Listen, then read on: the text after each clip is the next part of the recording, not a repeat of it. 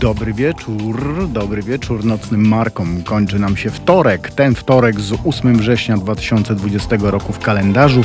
Słuchają Państwo Halo Zbrodnia w Halo Radio. I tymże programem przywitamy dzień kolejny, czyli 9 września, no chyba, że padniecie na pyszczka i przeniesiecie się do krainy, w której nie można uciekać, bo nogi ciężkie, a wszystko inne jest jednocześnie irealne i absurdalne. A za chwilę powiem Wam coś więcej.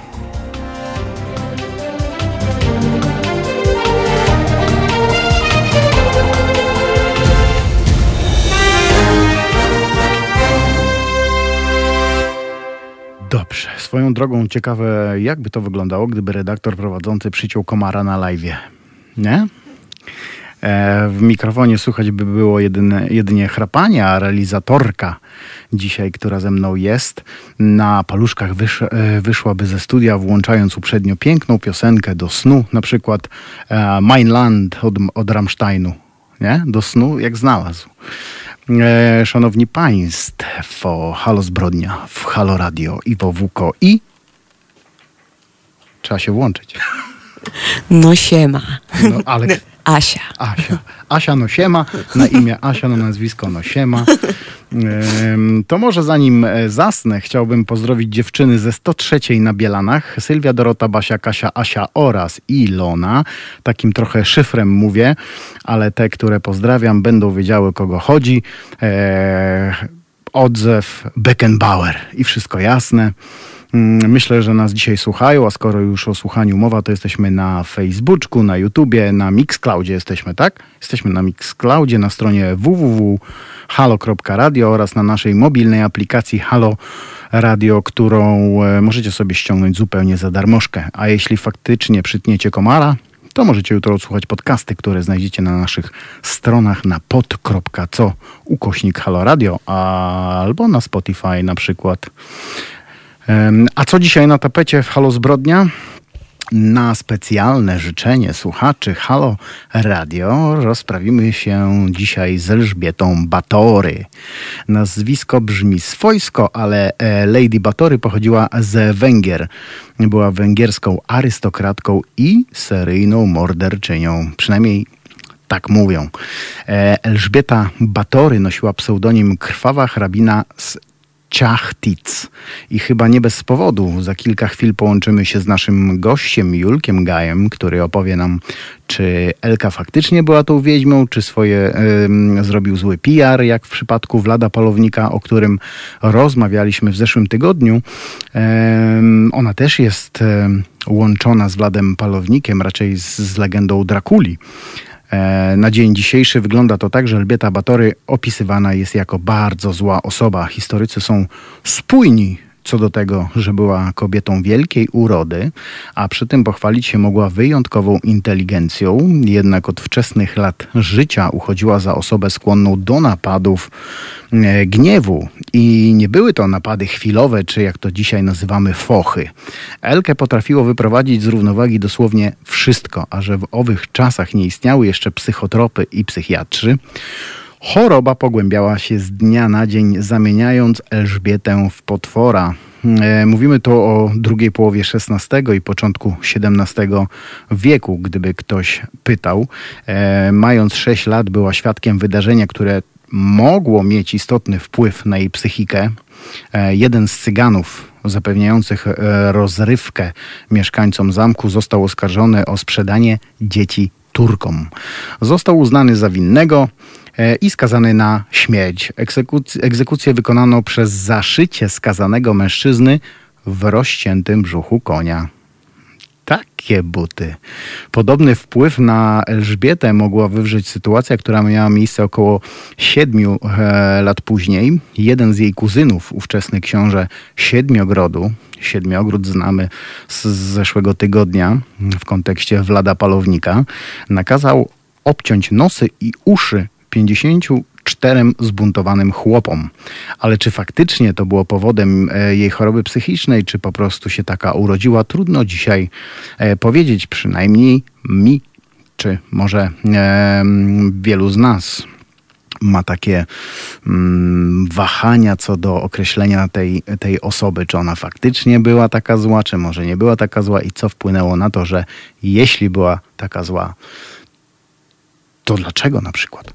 E, miała 15 lat, kiedy została panią zamku. Wyszła wtedy za mąż za Franciszka Nadazdego, tak się pan nazywał, z którym zamieszkała w zamku Sarwar. To takie małe miasteczko, dzisiaj tam chyba 14 tysięcy mieszkańców. Nie wiem, ile, ile tych mieszkańców było wcześniej. E, na pewno na zamku mniej, okoliczne wioski pewnie były liczniej zamieszkałe. E, była to rodzinna posiadłość męża, czyli tego Nazdego, Franciszka Nadazdego. E, Franciszek w domu bywał od wielkiego dzwonu, bo większość czasu spędzał na laniu się z Turkami, więc zamkiem zarządzała samotnie Elżbieta, 15-letnia. Wtedy to też dała się poznać po raz pierwszy jako okrutnica i sadystka, e, szczególnie wobec sług. A że była nimfomanką, szlajała się po zamku ze swoimi kochankami obojga płci, których były ponoć całe tabuny. E, Elżbieta często odwiedzała ciotkę Klarę Batory, e, kobietę o skłonnościach homoseksualnych, organizującą regularnie wyuzdane orgie. Możliwe, że właśnie e, w takich okolicznościach poznała Dorotę Szantes, która podsyciła sadyzm Elżbiety. Na Węgrzech niemal zawsze wspomina się pannę Szantes, kiedy mowa jest o Elżbiecie Batory. U nas nieco mniej się o niej mówi, a szkoda. Może Julek powie nam coś więcej o niej. E, gehenna służby dworzan i okolicznych wieśniaków trwała przez dekady. E, no, grubo 30-40 lat, jakoś tak. Kiedy Elżbieta miała lat 44, zmarł, zmarł nagle jej mąż. Najprawdopodobniej z powodu otrucia, ale to jeszcze nie jest tak na 100% potwierdzone i mówię jeszcze, bo cały czas uczeni próbują um, znaleźć powód śmierci Franciszka. Różne są dywagacje na ten temat, że i sama Elżbieta, że jedna z, jeden lub jedna z kochanek E, ewentualnie sami Habsburgowie, o czym, o czym powiem nieco e, później. Za Franciszkiem nikt jednak nie płakał, bo gdy żył, z ogromną przyjemnością przyglądał się pięknej żonie, która torturowała poddanych. Zresztą sam brał udział w torturach i chętnie pozbawiał życia oskarżonych o kradzież. A takie oskarżenia padały dość często i często bezpodstawnie, e, bo były wymyślane przez Elżbietę jako powód do ukarania. Tak po prostu. Jeśli mieszkańcy zamku i okolicznych wsi uważali, że Elka i Franek byli potworami, to mocno się zdziwili po śmierci pana domu, bo to właśnie wtedy zaczęły się najokrutniejsze lata e, Elżbiety Batory, czy jej panowania na tym zamku. Tak przynajmniej mówią zapiski e, historyczne, którym też tak do końca nie trzeba wierzyć. W 1600 czwartym roku Elżbieta nie tylko straciła męża, ale też poznała niejaką Annę Darwulię, tajemniczą kobietę, która korzystając ze strachu Elżbiety przed nadchodzącą starością, stała się najprawdopodobniej główną inspiratorką zbrodni dokonywanych przez hrabinę. Pewnego dnia Elżbieta w złości uderzyła służkę tak mocno, że krew z nosa jej ofiary padła na twarz hrabiny. Mhm. Elżbieta spojrzała w lustro, zauważyła, że zmarszczki, które gdzieniegdzie zaczęły się już pojawiać, zniknęły z jej oblicza. Było ciemno oczywiście, prawda? Darwulia, ta tajemnicza kobieta, wykorzystała złudzenie, e, jakiemu uległa jej pani i przekazała jej starożytną, w cudzysłowie mówiąc, mądrość wyssaną z palca, jakoby przez odebranie komuś krwi można przejąć fizyczne i duchowe cechy tej osoby. Od tej e, pory krwawe tortury stały się niemalże codziennością na czachtickim zamku.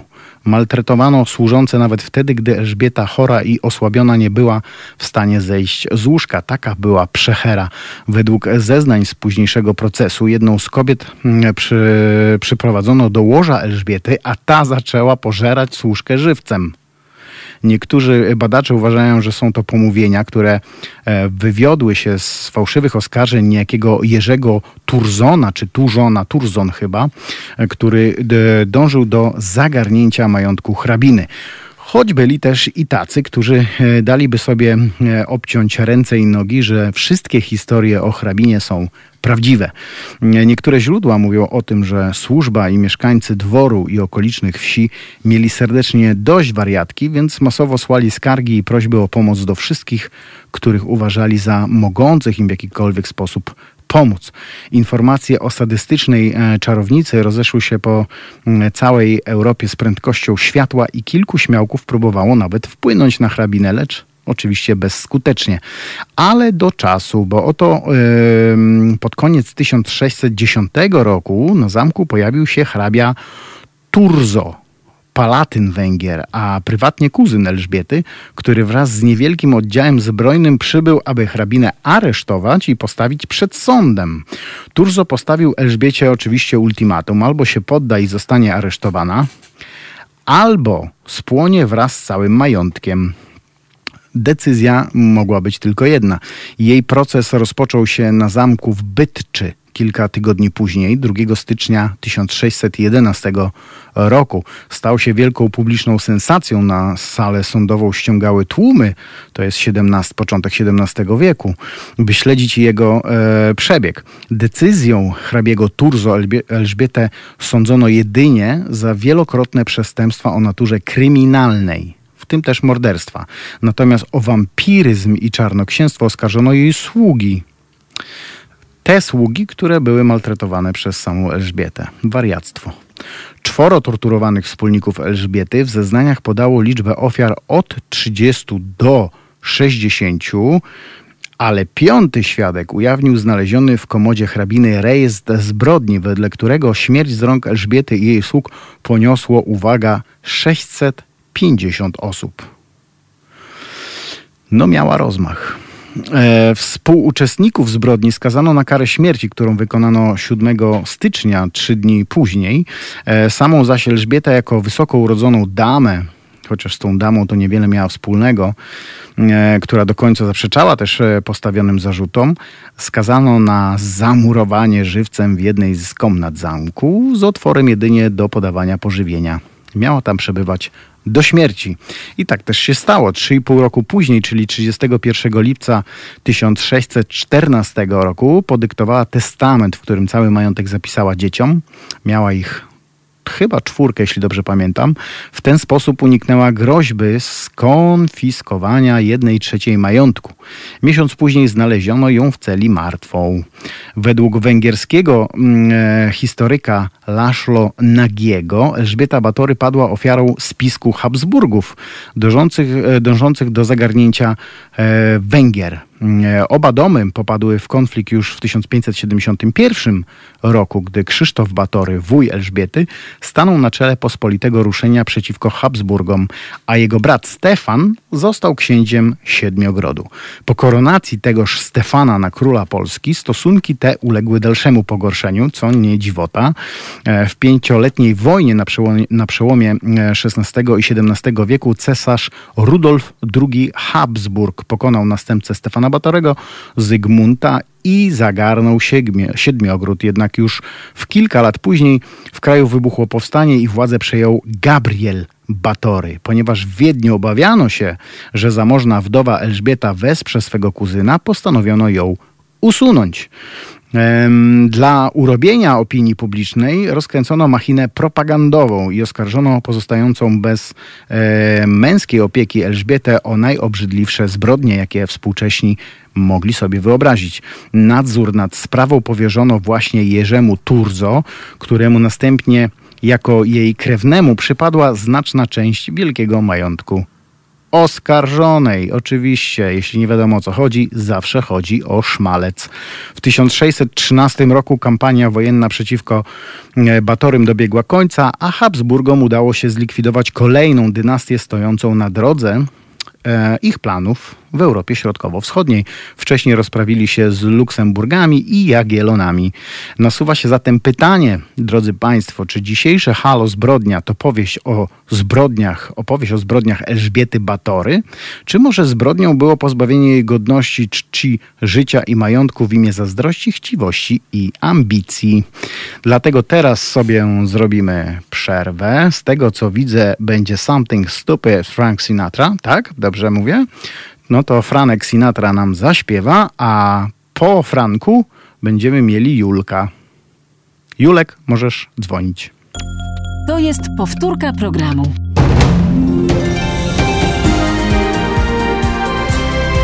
Halo Radio. Halo Radio, halo zbrodnia. Mamy teraz, je, jeszcze mamy 8 września, a z nami jest Julek. Julku, czy ty jesteś? Dobry wieczór, jestem. Dobry wieczór, wie- Iwo, dobry wieczór, Asiu, dobry wieczór słuchaczom, zbrodnicielom. z żądnym krwi i przemocy. Powiedz mi, drogi Julku, czy ta nasza em, bohaterka Ela, czy ona naprawdę była taka wariatka, czy to, to bo tu znowu mamy ten, e, te, te same mniej więcej tereny, które były w kontekście Wlada Palownika, nie?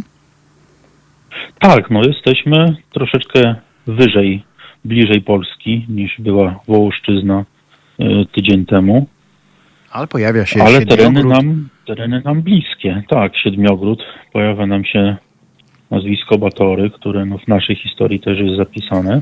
W naszej trochę lepiej niż Czy w ona- tej węgierskiej. O, trochę lepiej, ale to tak też nie do końca.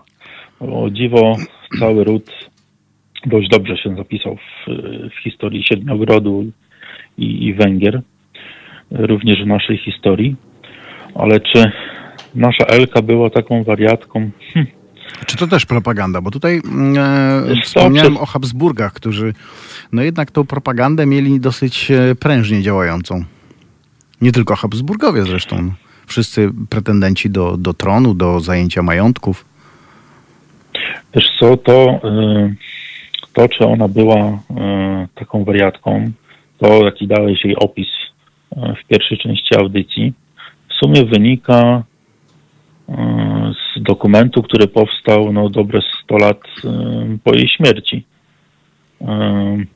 Więc mamy taki opis no, niezbyt dobrze oddający rzeczywistość i y, przez y, większość badaczy y, uważany za, za błędny i odrzucany. No może, i, może i odrzucany, ale jak, jak weźmiesz sobie książki o Elżbiecie Batory, czy wejdziesz e, w internet i zaczniesz przeszukiwać e, jej historię o niej, okazuje się, że większość opisów sprowadza się właśnie do tego, że to była taka przechera, która uwielbiała mordować, znęcać się nad ludźmi. No tak, tylko wiesz, opis, o którym, o którym mówisz, e, pochodzi z e, 1729 roku. A wtedy e, pismaki e, kochały bajdurzyć. Wtedy pismaki bardzo lubiły bajdurzy, zresztą cały czas lubią, ale o co chodzi? E, Wtedy też był pewien problem, ponieważ e, nadal byli Habsburgowie, nadal e, był potomek Batorych, nazywał się Franciszek II Rakoczy i on był jakby ostatnią osobą, ostatnim bastionem obrony Siedmiogrodu przed wpływami Habsburgów i wtedy e, to e, właśnie owy Franciszek II Rakoczy e, był przywódcą takiego powstania antyhabsburskiego i powstanie tego pisma w tym, w tym czasie, które jakby uderzało bezpośrednio w, jego przodków, w jego rodzinę, no dawało też takiego kopa do tego, aby uważać Habsburgów za prawowitych e, władców e, Węgier e, Siedmiogrodu. E, no ale to były takie wpływy bardzo, bardzo dynastyczne e, i, i jakby no, mówimy o już o XVIII wieku, a nie o XVI, końcówce XVI. Także zrobienie z Elżbiety Batory w podobie, jak zrobiono z, z, z Vlada Drakuli, osoby niebezpiecznej, po części niepoczytalnej, znowu y, pojawia nam się na kartach historii y, nie tyle jakby za jej życia, chociaż to już miało miejsce, ale też dużo później jest wynikiem dalszych procesów historycznych, procesów, które zachodziły na terenie, na terenie Siedmiogrodu. Mhm. Także aby dobrze wyjaśnić historię Elżbiety, w sumie potrzebowalibyśmy przede wszystkim na polskim rynku dobrej książki na ten temat. A ta, a e, Chociażby jakiegoś przekładu. Istnieje? No właśnie, no nie istnieje. W sumie mamy kilka artykułów e, naukowych na ten temat, ale książki nie ma. Wspominałeś tu o, o węgierskim historyku e, Laszlo Nagaju. Mhm. Chociażby przetłumaczenie jego książki byłoby moim zdaniem no, dobrym zrehabilitowaniem e, tej osoby.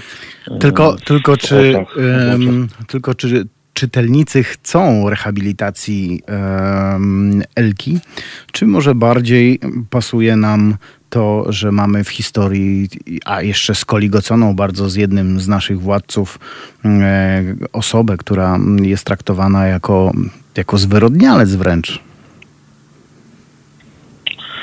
czy chcą, wiesz, no to też mamy e, to, co jest prawdą historyczną, a to, co jest e, legendą i żyje sobie w popkulturze. Ale wyobraź sobie, że, że piszemy teraz książkę o tym, jaka w cudzysłowie oczywiście, była naprawdę e, Elżbieta i okazuje się, że mm, nie kąpała się w tej krwi, że nie, nie mordowała tych wszystkich e, e, ludzi, że była zupełnie inną kobietą niż, niż, niż te wszystkie przekazy, jakie się pojawiały do tej pory. Czy ludzie sięgnęliby po taką książkę? Myślisz, że wydawcy chcieliby w ogóle coś takiego wydać? To się nie, to no nie wiesz, wiem, czy no to by się takie sprzedało. Książki, jeśli takie książki, yy, i to kilka, mamy po, y, po węgiersku. No jakby no dla nich to jest y, czysto historyczna tradycja ich narodu, więc jakby to nie dziwi. Mamy po czesku czy po słowacku, bo też są autorzy, którzy poprawnie piszą o Elżbiecie, chociaż chociażby na samej Słowacji no, nie jest uważana tak powszechnie za, za osobę no, godną jakiegokolwiek poszanowania. Mamy też takie książki po angielsku. Moim zdaniem chociaż jedna by się przydała, bo mm, sprawdzając sobie y, publikacje na jej temat, y, do, no mówię, no trafiłem na kilka artykułów czysto naukowych, gdzie warto wspomnieć y, chociażby artykuł pani Bartosiewicz z Uniwersytetu Łódzkiego, ale to są publikacje tak naprawdę no, dla osób, które jakby, no, które się no, tym zajmują, tym, tak? tak? Zajmują, tak, bo to są jakieś wydawnictwa uniwersyteckie, no powiedzmy sobie szczerze, one w, w normalnych księgarniach nie występują, tak? E, nie dostaniesz jakichś aktów historycznych i wydawnictw, tak, jakichś konferencji i tak dalej. Jeśli by się okazało, że mm, Elżbieta Batory nie była E, taką kobietą, takim człowiekiem, jak jest to przedstawiane w mass mediach, a, a była jednak zupełnie innym człowiekiem, to okazuje się, że ta zbrodnia tak naprawdę to była wymierzona przeciw niej, a nie przez nią. Zamurowanie no kogoś no tak. w, w, jednym, w jednej małej komnacie z małą dziurą no i to, zamurowa- to, I to zamurowanie, to zamurowanie też obalimy ale to za chwilę A. dojdziemy do tego. Tak, tak, no widzisz. Halo zbrodnia e... obala e, mity. Hmm, także zacznijmy może od samego początku. E, nasza Elka no, rodzi się w, w tym 1560 roku e, i jako córka Jerzego i Anny mm, Batory. E, I co jest bardzo, bardzo jakby takie no, istotne, W tym czasie mieliśmy dwie gałęzie rodu Batorych. Jedną tą gałąź reprezentowała jej matka Anna, która była siostrą naszego późniejszego króla, tak, Stefana Batorego. Mhm. E, drugą linię reprezentował e, ojciec Jerzy. I często się jakby wspomina o, o takiej rzeczy, chociaż no, sam o tym też mówiłeś, e, że to bliskie pokrewieństwo tak, tych dwóch linii powodowało jakieś zaburzenia psychiczne, jakieś zaburzenia genetyczne, które później owocowały tym, że te osoby były w jakiś sposób agresywne, no tak, bo w kontekście Elżbiety to już jest przekaz, przekaz bardzo historyczny, bardzo rzetelny, historyczny, nawet uznawany przez Węgrów i, i to niepodważalny wręcz według nich, że mała Elżbieta była bardzo agresywna i przypisuje się to właśnie mm, tym mm, miłościom, nazwijmy to e, tak delikatnie, e, wewnątrzrodzinnym. No, tylko widzisz, jeśli zagłębimy się bardziej w, e, w historię i sięgniemy czegoś takiego, chociażby jak genealogia, to okazuje się, że wspólny przodek dla ojca Jerzego i dla matki Anny był sześć pokoleń wstecz. Mhm. To jest 200 lat. No tak, to dużo wyjaśnia. Dlaczego to, się wszystko kotłowało to, w głowach? To się kotłowało, ale z drugiej strony jest to no, daleko.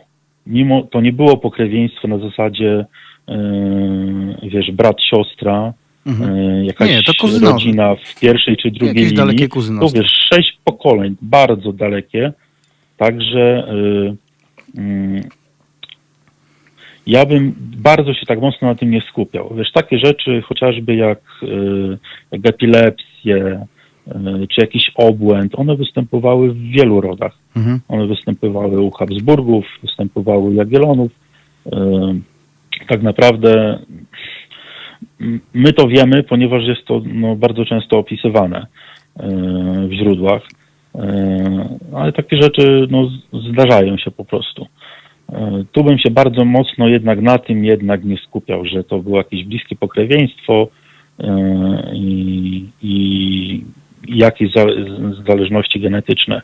Tak naprawdę z samych źródeł historycznych nie wynika, że ona w jakikolwiek sposób była opętana, obłąkana, e, zaborcza, e, przedstawiała sobą e, jak, jakieś sadystyczne skłonności, właśnie wynika całkowicie coś innego.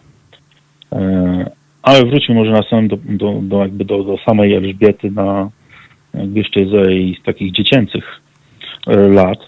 Mm, są wzmianki o tym, są źródła mówiące o tym, że faktycznie pew, pewną agresją się wykazywa, wykazywała. E, I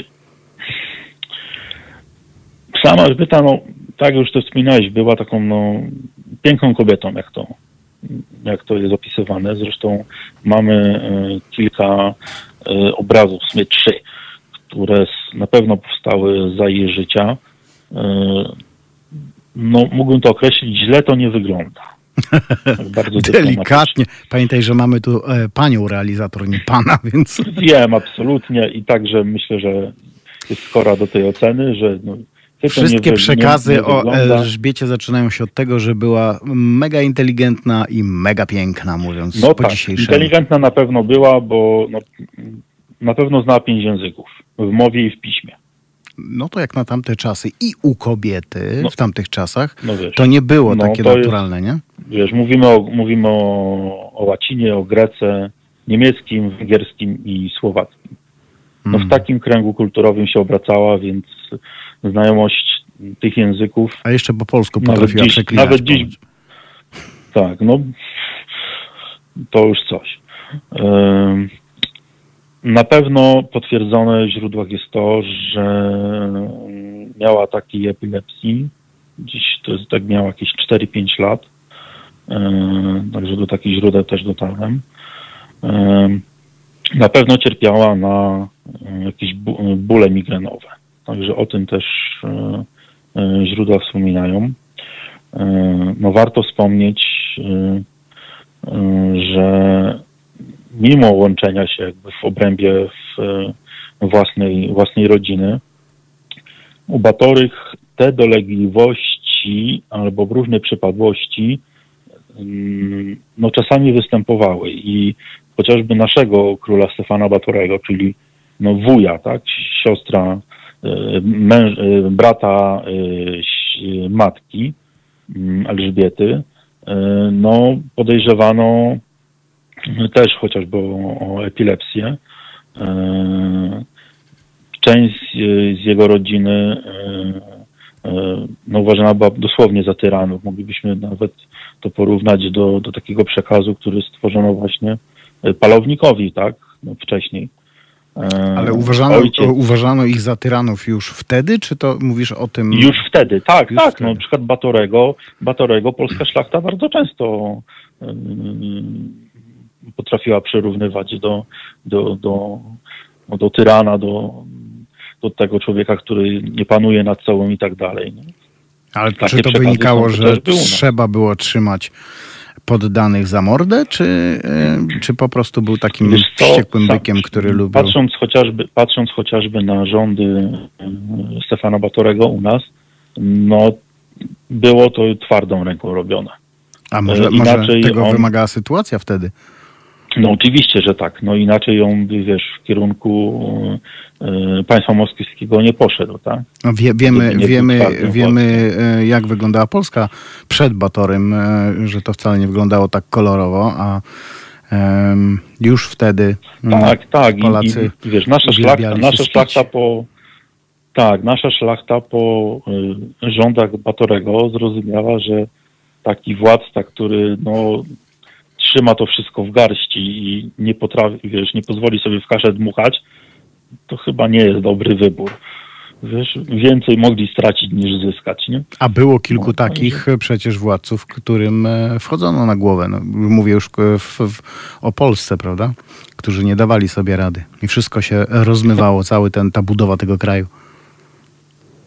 No, no, wiesz, no przypadków w tej rodzinie ciekawych było, było no, całkiem sporo. No, mówię, Ale to była potężna ojciec... rodzina, nie? Oczywiście, że tak. To była potężna rodzina. To y, wiesz, właściwie to byli y, możnowładcy.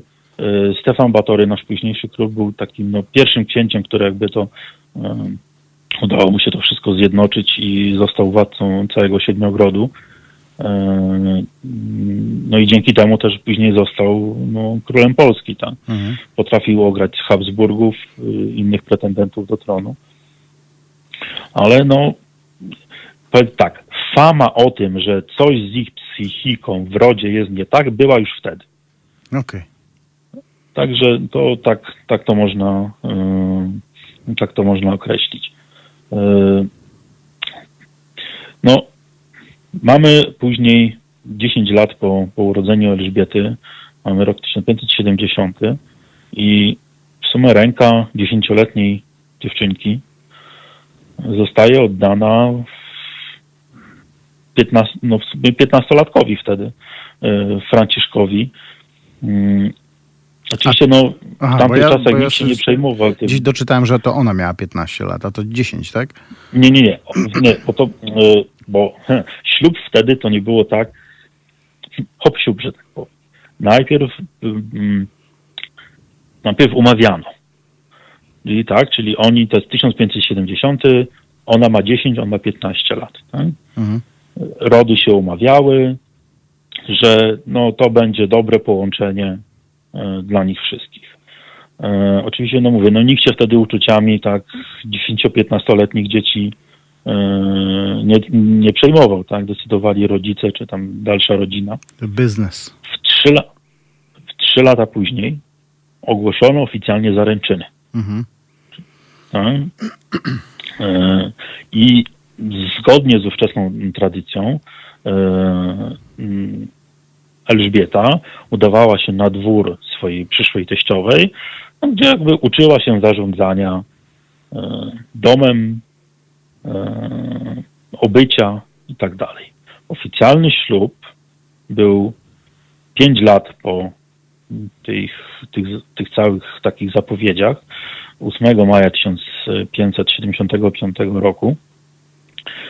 Impreza cała trwała trzy dni. Wow. E, no, no, bawiono się. E, I hmm, co jest no, bardzo istotne, co ten, e, co ten ślub jakby dawał dla Batorych jako całego rodu. Małżeństwo to łączyło dwa najpotężniejsze węgierskie rody, dysponujące takimi posiadłościami zarówno w, w Siedmiogrodzie, ale też w Królestwie Węgierskim, które należało wówczas już do Habsburgów. Węgry, jak tydzień temu mówiliśmy, że Węgry były jeszcze 100 lat wcześniej, tak, potężnym państwem samodzielnym, to 100 lat później już tym państwem samodzielnym nie były. Już tak naprawdę należały do, do Habsburgów, chociaż formalnie Y, część należała do Habsburgów, część należała do Turków, a część była, no, była siedmiogrodem władanym osobno. Węgierscy historycy wyliczyli, że w momencie ślubu Elżbiety i Franciszka, czyli w 1575 roku, ród Batorych posiadał 4300 osad, w 19 wielkich majątkach, a ród Franciszka, y, ten nadażdy, posiadał blisko 900 osad. Mhm. Do Franciszka po tym ślubie nale należało 13 zamków, a Elżbieta wnosiła 6 tych zamków. Posiadali jeszcze między innymi pałace tam we Wiedniu, y, inne pomniejsze, także majątek był ogromny już w momencie ślubu. Mhm. Czyli moment ślubu tam 20-latka i 15-latka. Powiedz mi, widzisz na ekranie ten dokument, który tutaj teraz e, e, przedstawiamy? Co to jest za dokument, jeśli możesz mi powiedzieć, tak żeby wytłumaczyć słuchaczom? A ten tutaj, tak. A ten dokument w sumie wiąże się z ich ślubem. Mm, Akt bo, małżeński, e, małżeński. Tak, i ten dokument wiąże się z ich ślubem, wiąże się też Polską. Wiąże się z Wrocławiem i wiąże się z Krakowem.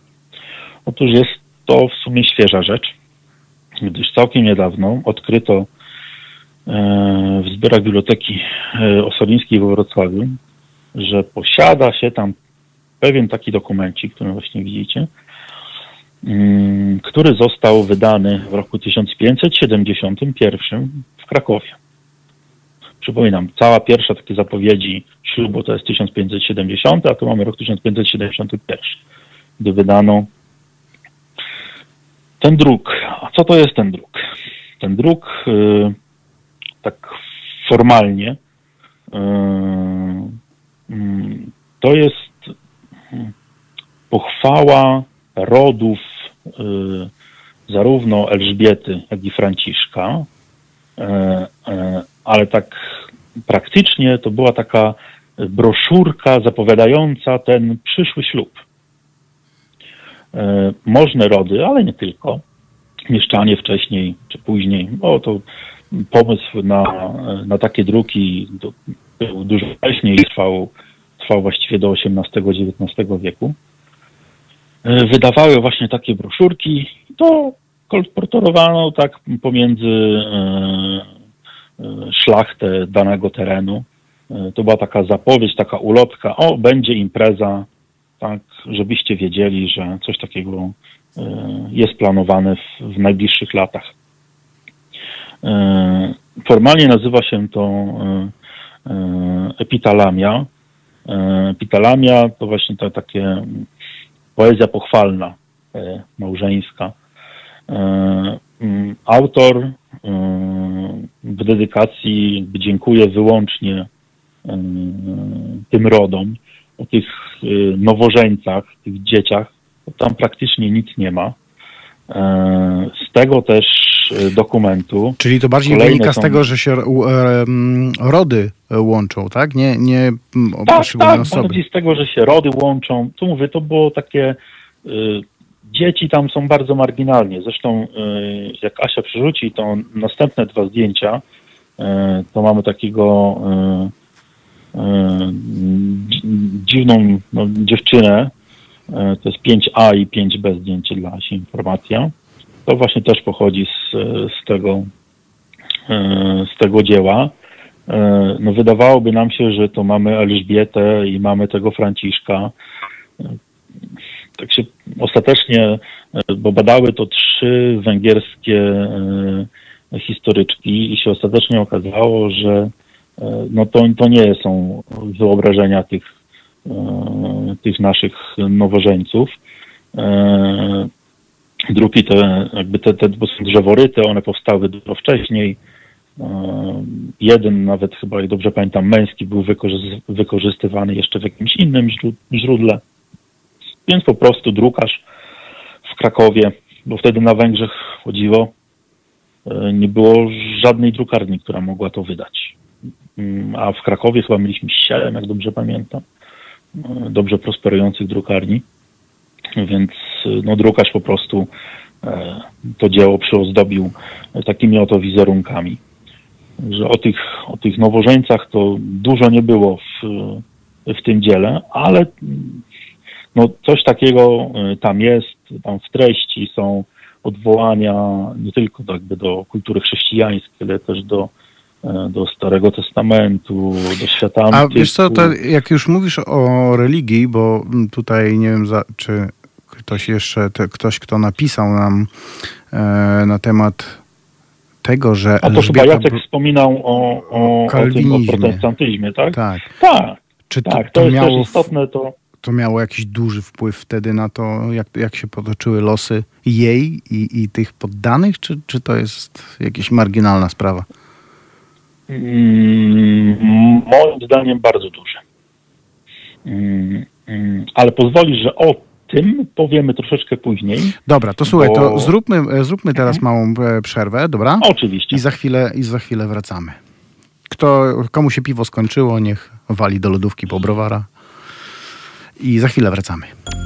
To jest powtórka programu. Halo Radio.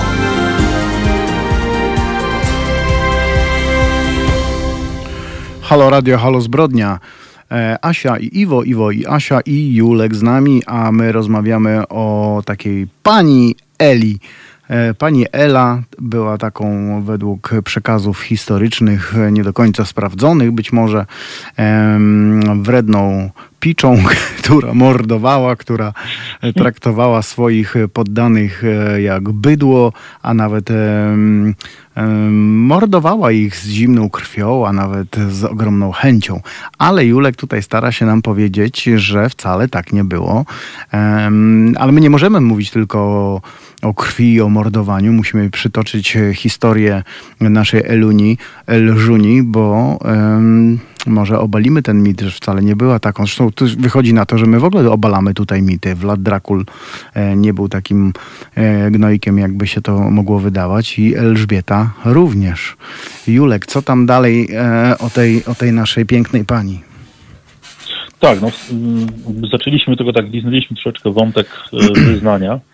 E, No faktycznie tutaj mamy do czynienia z e, protestantami. Mm, Protestantami siedmiogrodzkimi. Mm, W dużej części można powiedzieć no, węgierskimi, którzy bytują na terenach obecnej Słowacji. A powiedz mi, czy e, nasz król z tego rodu również był e, protestantem? Mm, mm, mm. Tutaj e, jakby e, gdzieś zależnie od tego, e, który, który jakby władca, która część rodu, e, tu mm, indywidualność, jeśli chodzi o wiarę, była bardzo, bardzo duża. Aha. Nasza szlachta nie e, zgodziłaby się na władcę innego wyznania niż katolickie. To, to było już zapisane w statutach. To był jakby mm, taki przytyk bezpośredni, mimo tego, że mieliśmy jakby tą tolerancję religijną, to u góry musiało być no tak, jak można powiedzieć powinno być e, w ich mm, mniemaniu. E, także nie, nie, nie. E, ale no, Franciszek, czyli mąż Elżbiety, no, on sam był ewangelikiem i no, nawet źródła, bo on jeszcze za jego życia e, wydał, znaczy, nakazał e, nadwornemu pisarzowi stworzyć takie dzieło, które jakby będzie jego wychwalać, ale też ukaże, ukaże to, jakim był wielkim wojownikiem, bo takim był. No, Wiesz, bo mi się... Sami, Tur... Pomyśla... sami Turcy, tylko, tylko wspomnę, mhm sami Turcy nazywali go e, czarnym bejem, czyli czarnym wodzem, a tłukł się z tymi Turkami całe życie, no to był nim, był tym wielkim wojownikiem, czyli bajem, czyli wodzem, tak, po turecku. Bo wydawało mi się z tego, co mówisz, że może, być może tak sobie pomyślałem, że tutaj się szykowała jakaś zbrodnia, e, halo zbrodnia nawet przeciw e, narodowi polskiemu, że może mieli jakiś misterny plan, żeby wiesz, jakąś religię swoją narzucić tutaj temu, temu narodowi, ale mówisz, że jednak, jednak nie. Nie, nie, wiesz, ale E, co jest ciekawe, jak e, wybiegniemy dość mocno w, e, do przodu i powiemy już teraz o, jakby o samej końcówce procesu wobec Elżbiety, to zdradzę, że wtedy duchowni próbowali wymusić na oskarżycielach to, aby Elżbietę oskarżyć o czary. Mhm. E, a dlaczego? Bo proces, który ostatecznie wobec Elżbiety się nigdy nie odbył. To jest ciekawe. A to widzisz, to ja mam taki e, przekaz, że jednak, e, że, że, jednak się odbył, została skazana, ukarana. No to jedna wielka mistyfikacja. Wobec Elżbiety ostatecznie proces się nie odbył. E, ukarano tej podwody, o której jeszcze tam opowiemy, e, ale e, proces powinien być procesem królewskim. Króla Węgier, wtedy to już był Filip II, tak, Filip II i właściwie był wtedy cesarzem niemieckim również. I w tym procesie królewskim, gdyby uznano winę taką, że Elżbieta zamordowała jakąś szlachciankę, mhm. tak? to wtedy przepadałby jej cały majątek. Aha, no bo to też. E, Ale... Julku, Julku, drogi, bo my teraz mhm. mamy wspaniały przerwa. utwór. E, to taka nie przerwa. To zagrajmy. Taki, tak, zagrajmy taki wspaniały utwór, najlepszy na świecie i zaraz wracamy. Dosłownie kilka minut.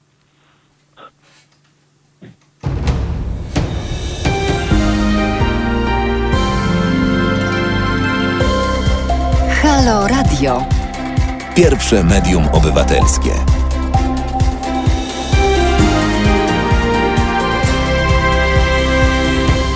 Słuchacie Halo Radia, pierwszego medium obywatelskiego. Minęła północ. Jeszcze Polska nie zginęła, kiedy my żyjemy. Co nam obca przemoc wzięła, szablą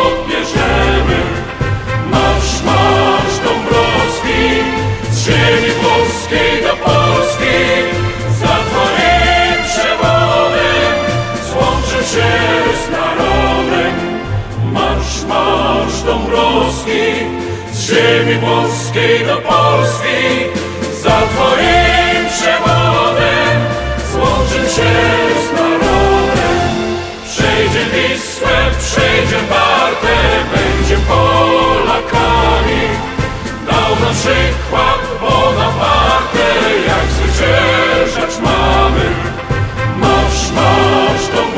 Polski, z ziemi włoskiej do Polski, za Twoim przewodem złączył się z narodem. Marsz, marsz do mrozki, z ziemi włoskiej do Polski, za Twoim przewodem złączył się z narodem.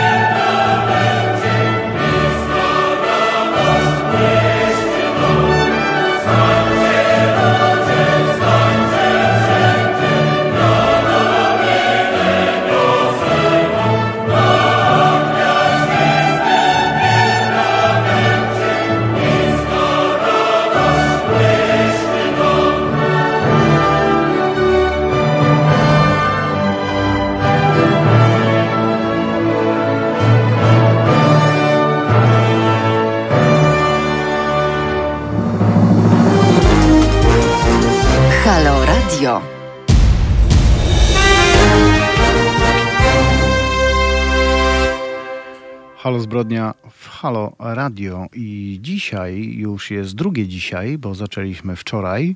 Wczoraj było to dzisiaj, dzisiaj jest drugie dzisiaj, czyli 9, 9 e, września. E, Północ, 4 minuty po północy. Julek, dawaj dalej, bo mówisz ciekawie. tak, także wróćmy do jakby nacisków y, Kościoła katolickiego na tą sprawę. Jak mówiłem, no, były te naciski, bo jeden z księży y, pisał do oskarżycieli w sumie, jak powinni zeznawać świadkowie. Już w tamtych I- czasach takie jaja. Tak, tak. I na, na to jest dokument. I, i według tego księdza no, śledztwo powinno być tak prowadzone, oni, aby właśnie przesłuchiwani y, oskarżali Elżbietę, Aha. y, że tak, że kazała tam zjadać ludzkie mięso i była wiedźmą.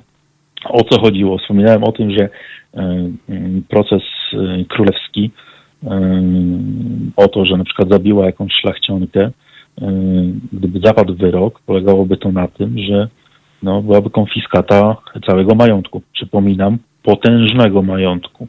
Tutaj nie mówimy o, o, o byle kim. To było po prostu państwo w państwie. E, Ale gdyby do tego oskarżenia wrzucić uprawianie czarów albo tego podobne sprawy, to majątek przechodziłby na kościół. Ale czy ten jej kuzyn, który ją aresztował, e, czy on nie lobował tego, aby ona była tylko za zbrodnię? E, Żeby tam nie, do, nie było w jej, w jej kontekście procesu o czary? Y, No, jak najbardziej, wiesz, teorii jest kilka na ten temat, nawet wśród historyków, ale y, jak najbardziej, ponieważ wszystko wskazuje na to, że działał, no w końcu był y, jakby wy, no był palatynem, czyli w samym takim nadzorcą, jeśli chodzi o, y, o, o Siedmiogród i Węgry, także działał na polecenie swojego pana, a jego panem no był, był Filip II, król Węgier, cesarz niemiecki. Także gdyby ten właśnie król Węgier dostał cały majątek, no to no Palatynowi też by tam coś skapnęło z tego ogromnego majątku. Także y, o to, żeby wprowadzić tam e, wątek y, oskarżeń o czary, no zależało chyba tylko Kościołowi, no bo wtedy by mógł coś zyskać, ale nikomu innemu. Mhm. E, Co e, w sumie najciekawsze, e, to mm, mm, sama, e, sama ta historia z tym procesem zaczyna się no, kilka lat e, wcześniej, e, właściwie w momencie śmierci jej męża Franciszka. On wtedy nie dożył pięćdziesiątki, jak dobrze pamiętam. I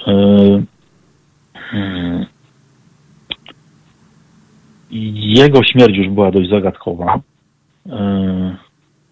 W procesie pojawiają się, e, pojawiają się takie wzmianki, że no, został po prostu otruty. E, A w innych wzmiankach em, czytaliśmy o tym, że zmarł na jakąś chorobę weneryczną czy coś w tym stylu.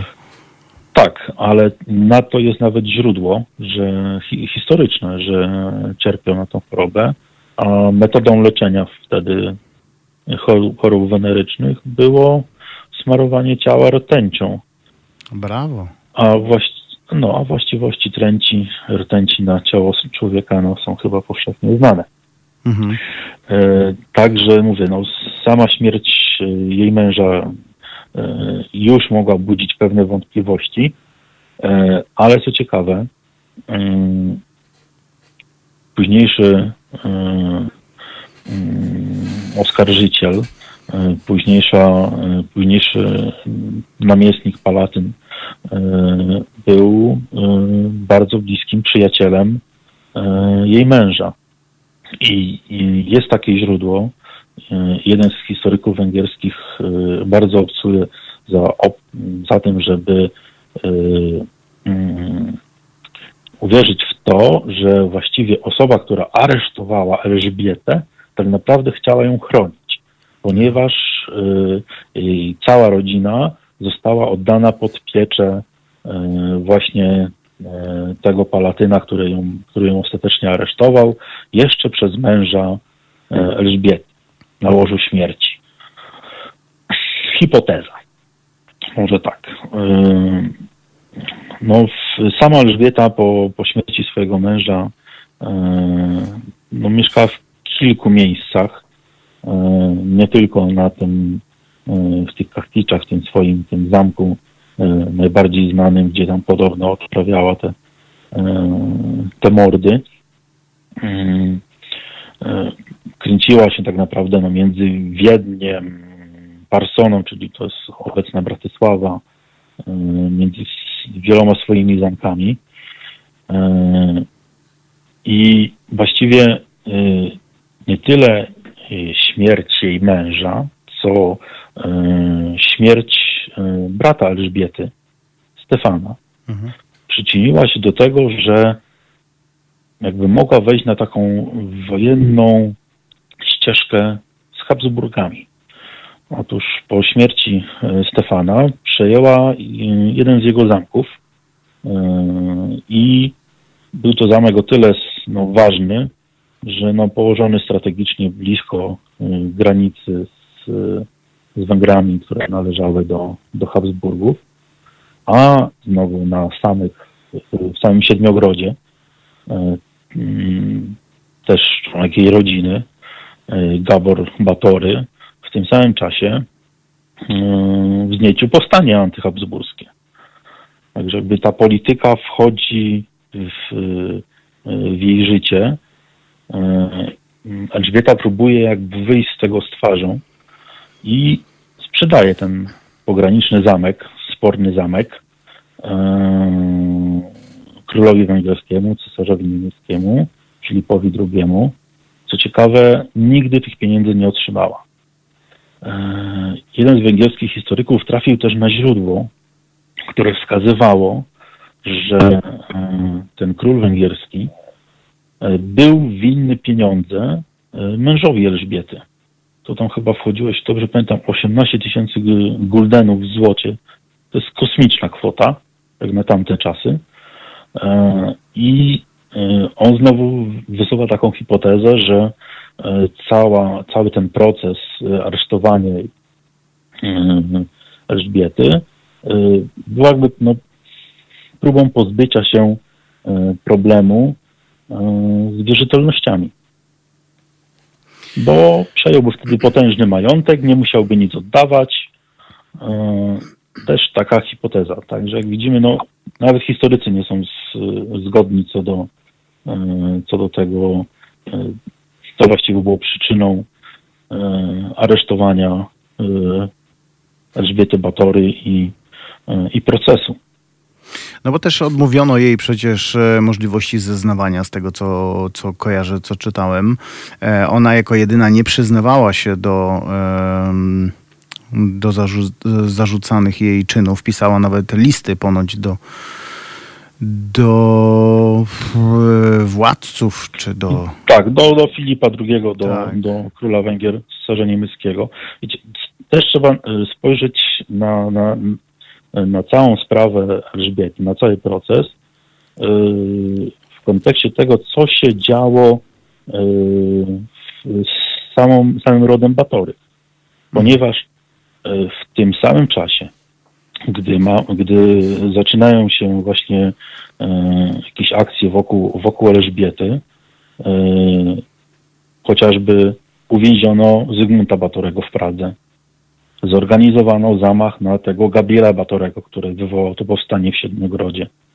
E, Wygląda to na jakąś bardziej zmasowaną akcję, Jakaś Za konkretna którą ofensywa na cały prawdopodobnie- ród. za którą prawdopodobnie, i wszystko na to wskazuje, tak, stoją Habsburgowie. My możemy to oceniać po kilkuset latach i już znamy e, no, różne, że tak powiem, e, konflikty i przypadki mieszanie się Habsburgów w sprawy wielu, wielu krajów. Także wiemy, że oni byli zdolni do, do wielu, do wszystkiego. E, Tu bym się nie bał, że to, to przypominało trosz, ich ród troszeczkę przypominał e, wiele rodów e, włoskich, które się po prostu mordowały między sobą. Mhm.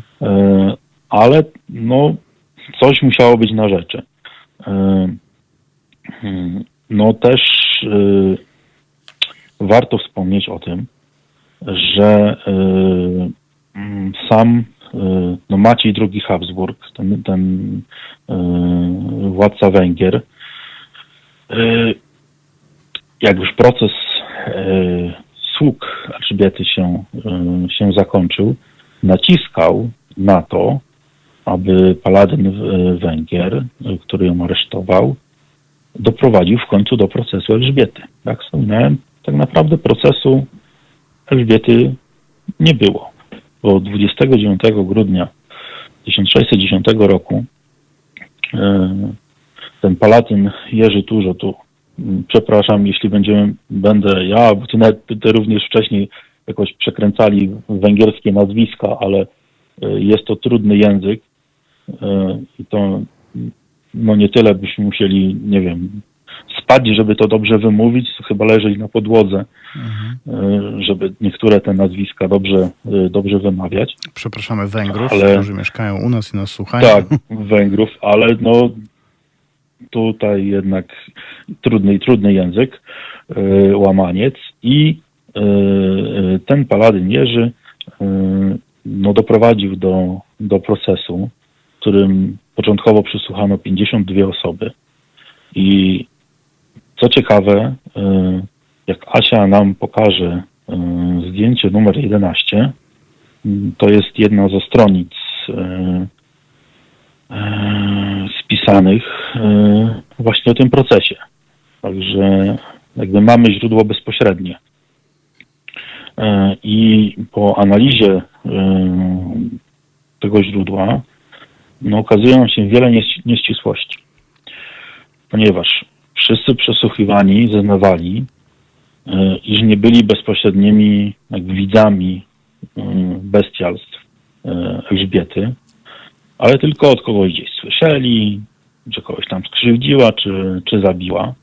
Ym, Podobno Elżbieta miała prowadzić rejestr wszystkich zamordowanych. No ponoć tak, jeden ze, ze świadków e, ponoć taki Tak. rejestr miał przekazać na 600, 650 osób, tak? Tak, no podobno go mm, widział. Ale aha, Ale widział, no, nie przekazał i takiego rejestru Tak, nigdy tego nie... rejestrów, nikt go, nikt, go w aktach sprawy go nie ma. Okej. E, I tak, bo to, to mówiła e, chyba Zu, Zuzanna, to jej służąca, właśnie o tym, e, że słyszała o tym, o, to jest było tak, że e, ta służąca Zuzanna zeznała, że słyszała o tym, że nadzorca e, na zamku Elżbiety mówił o tym, że taki rejestr jest. Mhm. To były tego rodzaju dowody. Ktoś coś słyszał, że Mm. ktoś inny powiedział. Tak. Co ciekawe, ten nadzorca nigdy nie został wezwany i przesłuchany, aby to potwierdzić. Mm, Mhm. tak. No, także to były tego, tego, tego rodzaju y, dowody. Ostatecznie e, trzy osoby, które były mm, no, najważniejszymi świadkami e, przeciwko Elżbiecie, zostały skazane e, za współudział. Na karę śmierci. O, tak, proces trwał dwa tygodnie. Ten pierwszy, mówię, to nie był proces samej Elżbiety. Eee, Czy ci e, skazani na śmierć... proces, który miał zebrać dowody na to, że ona jest winna. Kim byli ci, którzy zostali skazani na śmierć? No, ostateczny ten wyrok yy, z, yy, z 7 stycznia 1611, no, przypominam, aresztowanie było 29 grudnia Mhm. 1610, a 7 stycznia już mamy, już mamy wyrok. Yy, No, skazał na yy, karę śmierci yy, no w sumie trzy osoby. To była Dorota Szentes, ona była taką pielęgniarką hrabiny i mamką jej dzieci. Okay. Elżbieta z Franciszkiem miała, bo to też wiele źródeł różnie podaje. Tu opieram się na źródle, które no, mówi wyraźnie o tym, że, że było sześciorko dzieci, o czterech wiemy, kiedy się rodziły, o dwójce nie, ale znamy ich imiona. Yy, yy, Była też yy, Ilona, yy, też jedna z jej służek i Karzeł Jan. Oni pod wpływem tortur przyznali się do Ale do, to byli do, najbliżsi, do to byli ludzie najbliżsi Elżbiety, tak? Którzy spędzali z nią Tak, no to najwięcej czasu. bezpośrednia, bezpośrednia jej, jej, yy, jej służba. Czyli Mm. zostali skazani ci, którzy mogli zaświadczyć o jej niewinności. Gdyby Tak, proces był uczciwy. mówię, Tak, ale ten proces y, miał zebrać tak naprawdę tylko dowody na to, że Elżbieta jest winna. Czy je zebrał? Dokładnie. Za chwilę sami ocenimy. Y, no te dwie z tych kobiet spalono żywcem, a Karła, o tym też y, wspominają źródła, y, no ze względu na, na, na chorobę i na, na podobno młody wiek, najpierw ścięto, a potem wrzucono do, do, do ognia. Paskudnie. Co ciekawe, tak, co ciekawe, mm, 24 stycznia, także wiele, wiele dni później, y, spalono żywcem jeszcze y, kolejną mm, służącą, Która też e- pewnie mogłaby zaświadczyć o niewinności. która mogłaby zaświadczyć, ale spalono bez w ogóle żadnego wyroku. Mhm. Po- Tak, żeby podtrzymać tak, ogień. Tak. tak. Y, No jak już też wspominałeś, hrabina nigdy nie przyznała się do, do, do czegokolwiek. Mhm. Do końca swoich y, dni właśnie pisała te, pisała te listy do, y, do, do Filipa, do Macieja II i żądała y, no, ponownego jakby zbadania sprawy. No i te, jakby widzimy też to, że zaczęto chyba badać tę sprawę, ponieważ mówię, te, wynik, wynik tego pierwszego procesu i spalenie tych pierwszych winnych osób to jest styczeń 1611, a w grudniu 1611 roku do akt sądowych tej sprawy dołączone zostały raporty z zeznaniami kolejnych 336 świadków. Na początku było tylko tam 50 kilku, tu mamy już ponad 300. To jak Także na, coś w sprawie się działo. jak na XVII wiek, tak? XVII, e, Tak. tak, no to proces taki dosyć prężny, potężny. Tak, ale musimy też wiedzieć, że na mocy e, ówcześnie panującego prawa wieziono ją nielegalnie, bo bez wyroku sądu. Ówczesnego prawa. Dowody, tak, dowody były w sumie sprzeczne, często no, wzajemnie się wykluczające. E, I sam nawet władca e, Maciej II starał się wymusić właśnie to, żeby w końcu e, rozpoczął się właściwy proces, tak? E, Możemy tylko domniemywać, że chodziło o to, żeby no, rozpoczął się proces, był wyrok, i żeby skazać tą Elżbietę, że jednak zabijała te szlachcianki, wtedy władca mógłby przejąć ten, ten majątek. E, No, Elżbietę w sumie więziono 4 lata. Proces nie odbywał się. Na jedno z pism ponaglających e, od władcy e, Palatyn Jerzy odpisał, że właściwie e, nie może mm, mm, rozpocząć procesu, ponieważ no, Elżbietę można uważać za martwą. Mimo, że nadal żyła. Takie dziwna dość odpowiedź, ale jest, jest taki dokument. Ale To na co, na co liczono, Elka- że więziono ją, a nie, a nie em, postawiono Myślę, że cały czas próbowano, próbowano zebrać dowody, y, które mogłyby ją oskarżyć y, no, ostatecznie. Czy może liczono na to, że się sama przyzna? Że zmięknie? Trudno powiedzieć. Trwało to. Mhm. Trwało to. Elżbieta y, no, wykazała moim zdaniem się sprytem i inteligencją i tuż przed śmiercią spisała testament, w którym cały ten swój ogromny, przeogromny majątek przekazywała na y, trójkę swoich żyjących dzieci. Czyli właściwie stawała się osobą y, no, bez majątku, więc nawet gdyby w procesie ją skazano, to władca nie otrzymywałby nic. Okej. Nie próbowano Tak, się dobrać tak. do, tego, do tego jej testamentu? No, jakby nie można było go podważyć. No tak, no, ale Była przecież był, była e, uwięziona, więc e, no, rozumiem, że te czasy Ta, były... ale wiesz, to było, to było uwięzienie na takiej zasadzie, że na przykład mogli ją odwiedzać goście. To nie miało nic wspólnego z tym mitem, który powstał w XVIII wieku, że ona była zamurowana czy coś takiego. Nie. To był powiedzmy taki areszt y, zamkowy, o, może tak to określić. Areszt domowy, gdzie sobie po tym swoim domu, czyli w wielkości e, połowy Warszawy, Tak. mogła swobodnie się poruszać, tak? Tak, to był tego typu, y, tego typu areszt. Y, No, y, ostatecznie no, Elżbietę w tym 21 sierpnia 1614 roku y, znaleziono y, martwą.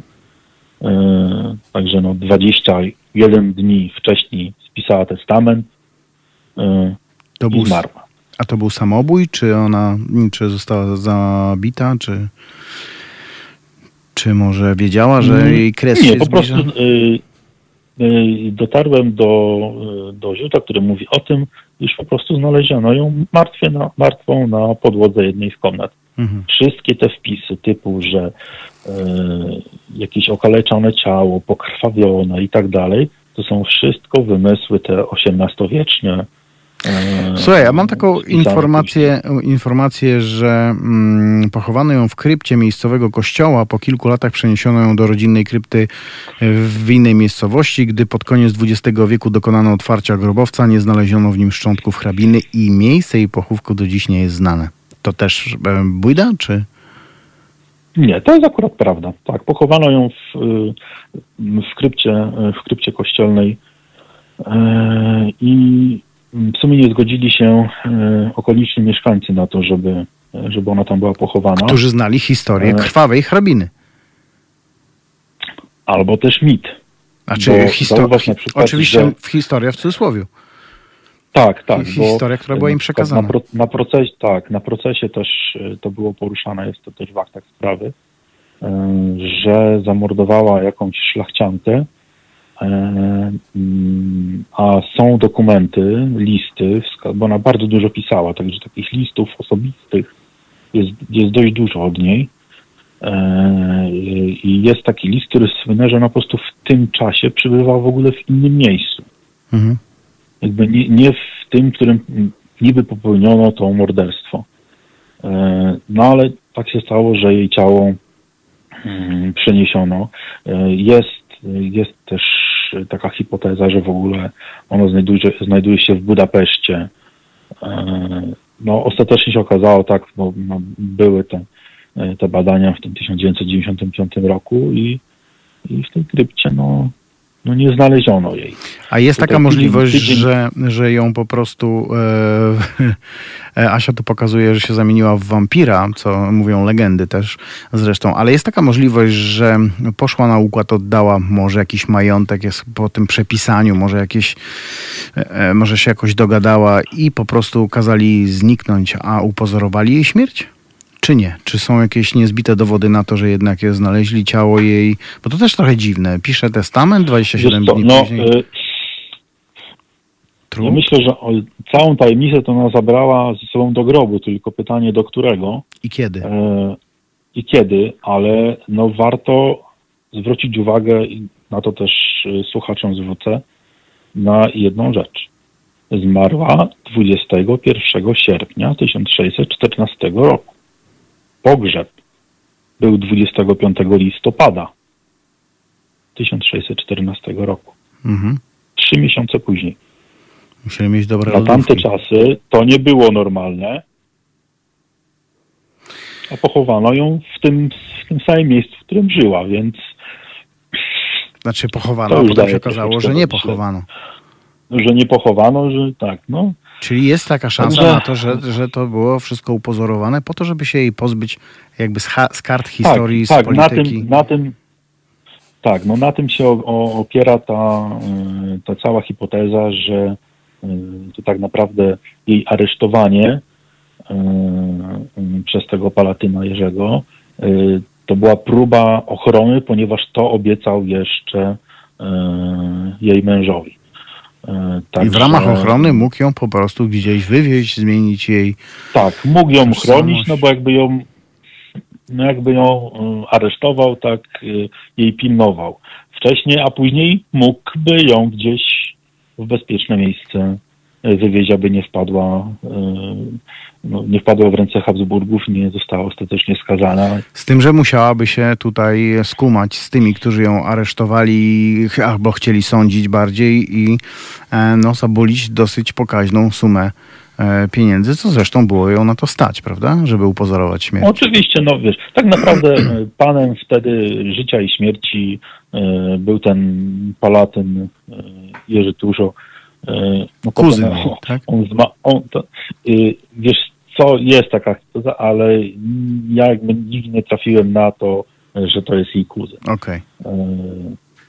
Y, y, Ale co ciekawe, on umiera w 1616 roku, Aha. także no, dwa lata po tym, jak, jak domniemanie zmarła Elżbieta. No, Czyli może gdzieś tam razem potem siedzieli na Karaibach. Być może tak. E, No sam, mm, sam proces y, no jest dość ten, pierwszy, tak, tych, y, y, tych jej podwładnych, no jest dość dobrze udokumentowany, E, ale no mówię, samo zatrzymanie e, i, i przetrzymywanie bez, y, bez wyroku sądowego, no jest w sumie takim no, precedensem, jeśli chodzi o, o, o prawo węgierskie. Oni wtedy już mieli no, od 100 lat mieli e, e, taki swój węgierski kodeks prawny, e, taką potrójną księgę na, to nazywali. No wcześniej jeszcze Złotą Bullę Andrzeja II, to też taki kodeks ich praw. I tam było no, jasne powiedziane, że osoba no, szlachetnego urodzenia nie mogła być przetrzymywana bez e, wyroku sądowego i musiały być jakieś takie niezbite dowody na to, że, że jest winna. E, Dużo wiemy e, e, o Elżbiecie, ale wiemy tak naprawdę z tych, e, z tych przekazów e, XVIII-wiecznych, e, z tych, no powiedzmy sobie, no podobnie jak było z, e, z Wladem Drakulą, takich paszkwili, które, które powstały i e, miały uderzać e, niby w Elżbietę, ale tak naprawdę w tego żyjącego wtedy w XVIII wieku e, Franciszka e, Rakoczego. No druk miał po, potężną siłę w tamtych czasach. Zresztą dzisiaj również ma, ale wtedy to było, jak mówiliśmy tydzień temu, jedyne medium, które docierało do No ludzi. tak, no widzisz, widzisz, że no potrafiono drukować takie, no powiedzmy, ulotki o tym, że, że będzie ślub. Mhm. E, I to drukowano ich bardzo dużo. E, potrafiono e, drukować e, księgi, które e, rozchodziły się w dużych nakładach, ale tak naprawdę no, najbardziej dochodowe dla drukarza, bo dla niego liczył się dochód, e, a nie to, że ktoś sobie za 300-400 lat będzie coś tam czytał. E, No, były rzeczy, które się sprzedawały. a Obecnie też plotka, sensacja Paszkwil. sprzedaje się najlepiej. Tak, paszki sprzedaje się, sprzedaje się najlepiej. A czy, e, bo w chwili, kiedy, kiedy mm, ponoć Elżbieta wyzionęła ducha, królem Polski był e, Zygmunt. Tak? Dobrze pamiętam? tak. Zygmunt III. Tak, tak. E, Waza. E, Czy jest taka możliwość, że Zygmunt III Waza miał dobre kontakty z rodzi- rodziną Batorych? Mm, Czy Batoranka mogła się ukryć Ale w widzisz, Polsce? zauważmy, zauważmy jedną rzecz. Do tej, pory, do tej pory na przykład my tu się moglibyśmy się zająć hipotezą, e, czy władca Polski, czy polscy możni mogli jakoś wpłynąć na to, co się działo w Siedmiogrodzie. My tak naprawdę nie wiemy, e, jak zachował się e, Gabor Bator, czyli ten, który e, w tym czasie wywołał to wielkie powstanie przeciw Habsburgom w Siedmiogrodzie. Mm, Nie mamy ni- m, jakby na to dokumentów i nie wiemy w, jaki sposób on się zachowywał, a dotyczyło to no, najbliższej jego rodziny. E, I to jest też troszeczkę zaskakujące, bo y, os- no, Elżbieta przejmuje ten, ten zamek taki bardzo kujący w oko Habsburgów i pozbywa się go. Sprzedaje go Habsburgom. Nie sprzedaje go swojej rodzinie, nie sprzedaje go właśnie temu Gaborowi Batoremu, y, nie wzmacnia jego siły przeciw Habsburgom, tylko sprzedaje go Habsburgom. Nie Więc- dostaje za niego co prawda pieniędzy. Więc tutaj jest taki- jakiś e, układ. Tak, no w, y, w samym, w samym y, tym procesie pojawiają się w ogóle, pojawia się rodzina Elżbiety, bo pojawia się dwóch mężów y, jej córek, Mhm. którzy y, jakby liczą też na, na jakąś na jakąś zdobycz z tego majątku. Czyli zeznają się ostatecznie przeciw niej? okazuje, że dostają. Tak, przeciw niej. Nawet jest taki tajny, jest dokument y, z takiego tajnego spotkania y, y, właśnie y, tych dwóch panów y, z tym palatynem Jerzym, który aresztował Elżbietę. Bo, że takie spotkanie miało miejsce. Co tam zawarto, do końca nie wiadomo. Może ten Jerzy próbował wytłumaczyć, że tak naprawdę on chroni tą Elżbietę. Może tam uzgodniono to, że ona ma sporządzić y, testament i zapisać wszystko swoim dzieciom, aby y, Habsburgowie nic nie dostali. Mhm. Tego też nie wiemy. No nie. Także tutaj zagadek jest dużo więcej tak naprawdę niż przy omawianym tydzień temu Władzie Palowniku. No tak, zagadek jest więcej, chociażby dlatego, że dotykają też spraw Polski. e, i być może jest szerzej to omawiane w, w historii, szczególnie naszej i, i, i węgierskiej, e, które jednak te kraje miały bardzo mocno, były ze sobą po, jakoś połączone. Chociaż no w lat to też człowiek, który, jak, jak wspominałeś e, tydzień temu, e, był blisko polskich, przynajmniej przez e, brata, więc jakieś tam wpływy, Tak, wpływy musiały y- być.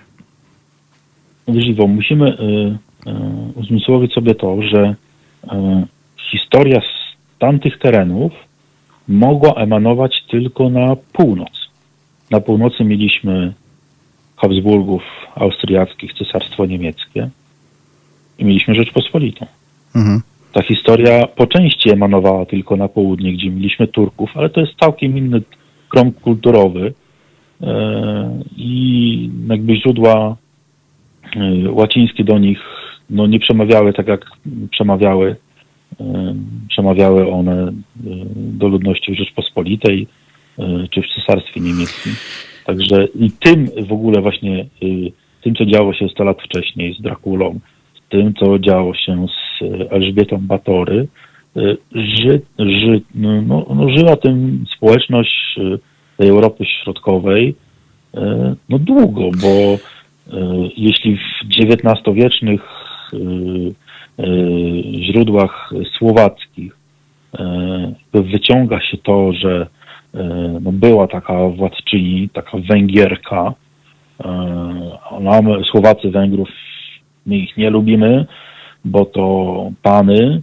y, Potem one, te, te naleciałości no, były wyciągane chociażby y, za czasów, gdy no, no, tereny w naszej części Europy były w Związku Radzieckiego mm, zaraz po II wojnie światowej, to także było wyciągane, tak? Było wyciągane to, że jakaś węgierska pani e, uciskała tutaj prosty lud, tak? Takie, Słuchaj, a ja- takie nawet A w, w ramach e, Halo Zbrodni chciałbym cię zapytać e, o taką um, dosyć prostą rzecz. 650, ja wró- że wrócę jeszcze do tego dokumentu, tego notatnika rzekomego. 650 e, osób lub nawet mniej, te, te 50 parę czy 60 parę, które e, wcześniej jej zarzucano. Czy e, zniknięcia tych osób nikt nie zauważył? Jeśli ona faktycznie mordowała te osoby, to trzeba było czekać na proces, który był raz, że był bardzo poszlakowy, dwa, że mm, świadkowie coś tam słyszeli i też nie byli tacy do końca e, 100%, w 100% pewni tego, co sami mówią. Te 650 No, osób w no te, w te, właśnie. te trz- 30 parę lat, no to chyba mo- musiało zwrócić Zauważmy, czymś uwagę. zauważmy, zauważmy jedną rzecz. E, mm, Zajmijmy się może dwoma wątkami. Najpierw zajmijmy się wątkiem e, mordowania szlachcianek. Mhm. E, Gdyby to miało miejsce, a e, jakieś szlachcianki na ten e, dwór e, hrabiny e, trafiały, czyli to jest jakby e, Batorych można uważać za takich e, możnowładców, tak, jak u nas wielkie rody, e, rody magnackie, Mhm. E, to jakby na tej zasadzie.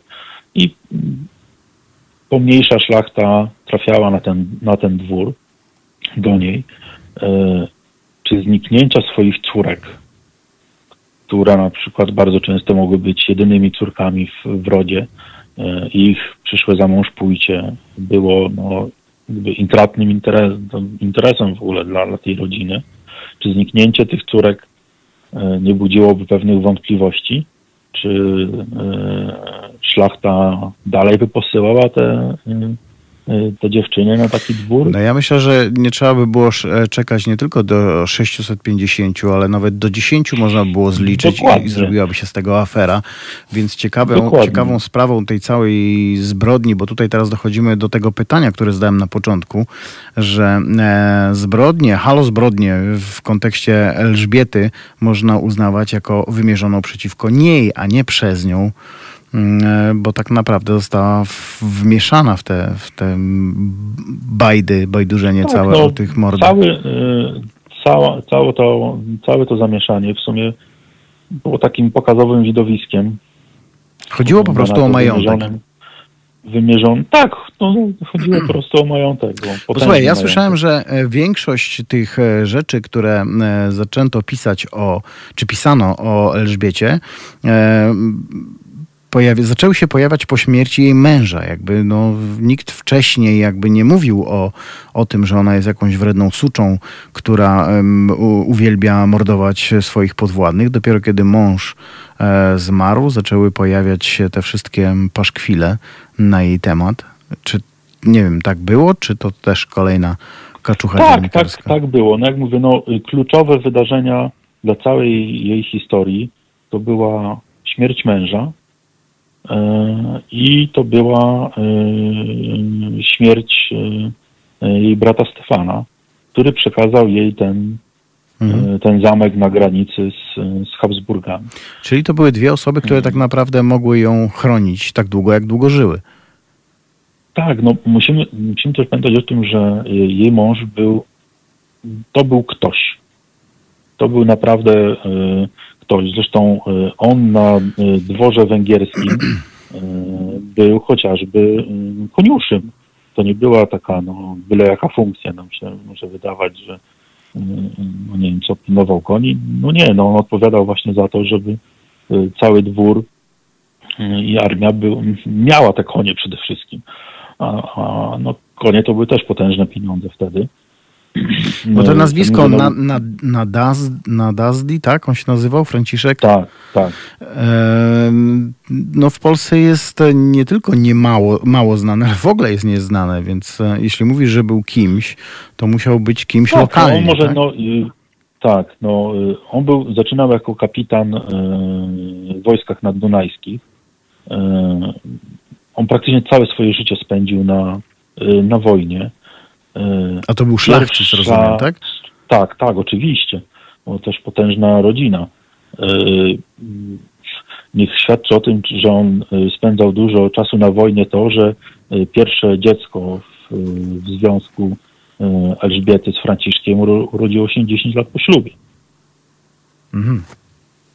No, mówię, no on był nawet przez samych Turków, y, to oni go nazywali właśnie różne, bo wspominałem o tym czarnym beju, czyli czarnym wodzu, byli też czarny rycerz. Y, No, był postrachem, jeśli chodzi o Turków. Trafił też no, na y, ciekawe czasy, bo wtedy zaczęła się tak zwana długa wojna, tam 15 lat się z tymi Tur- Turkami bili non-stop.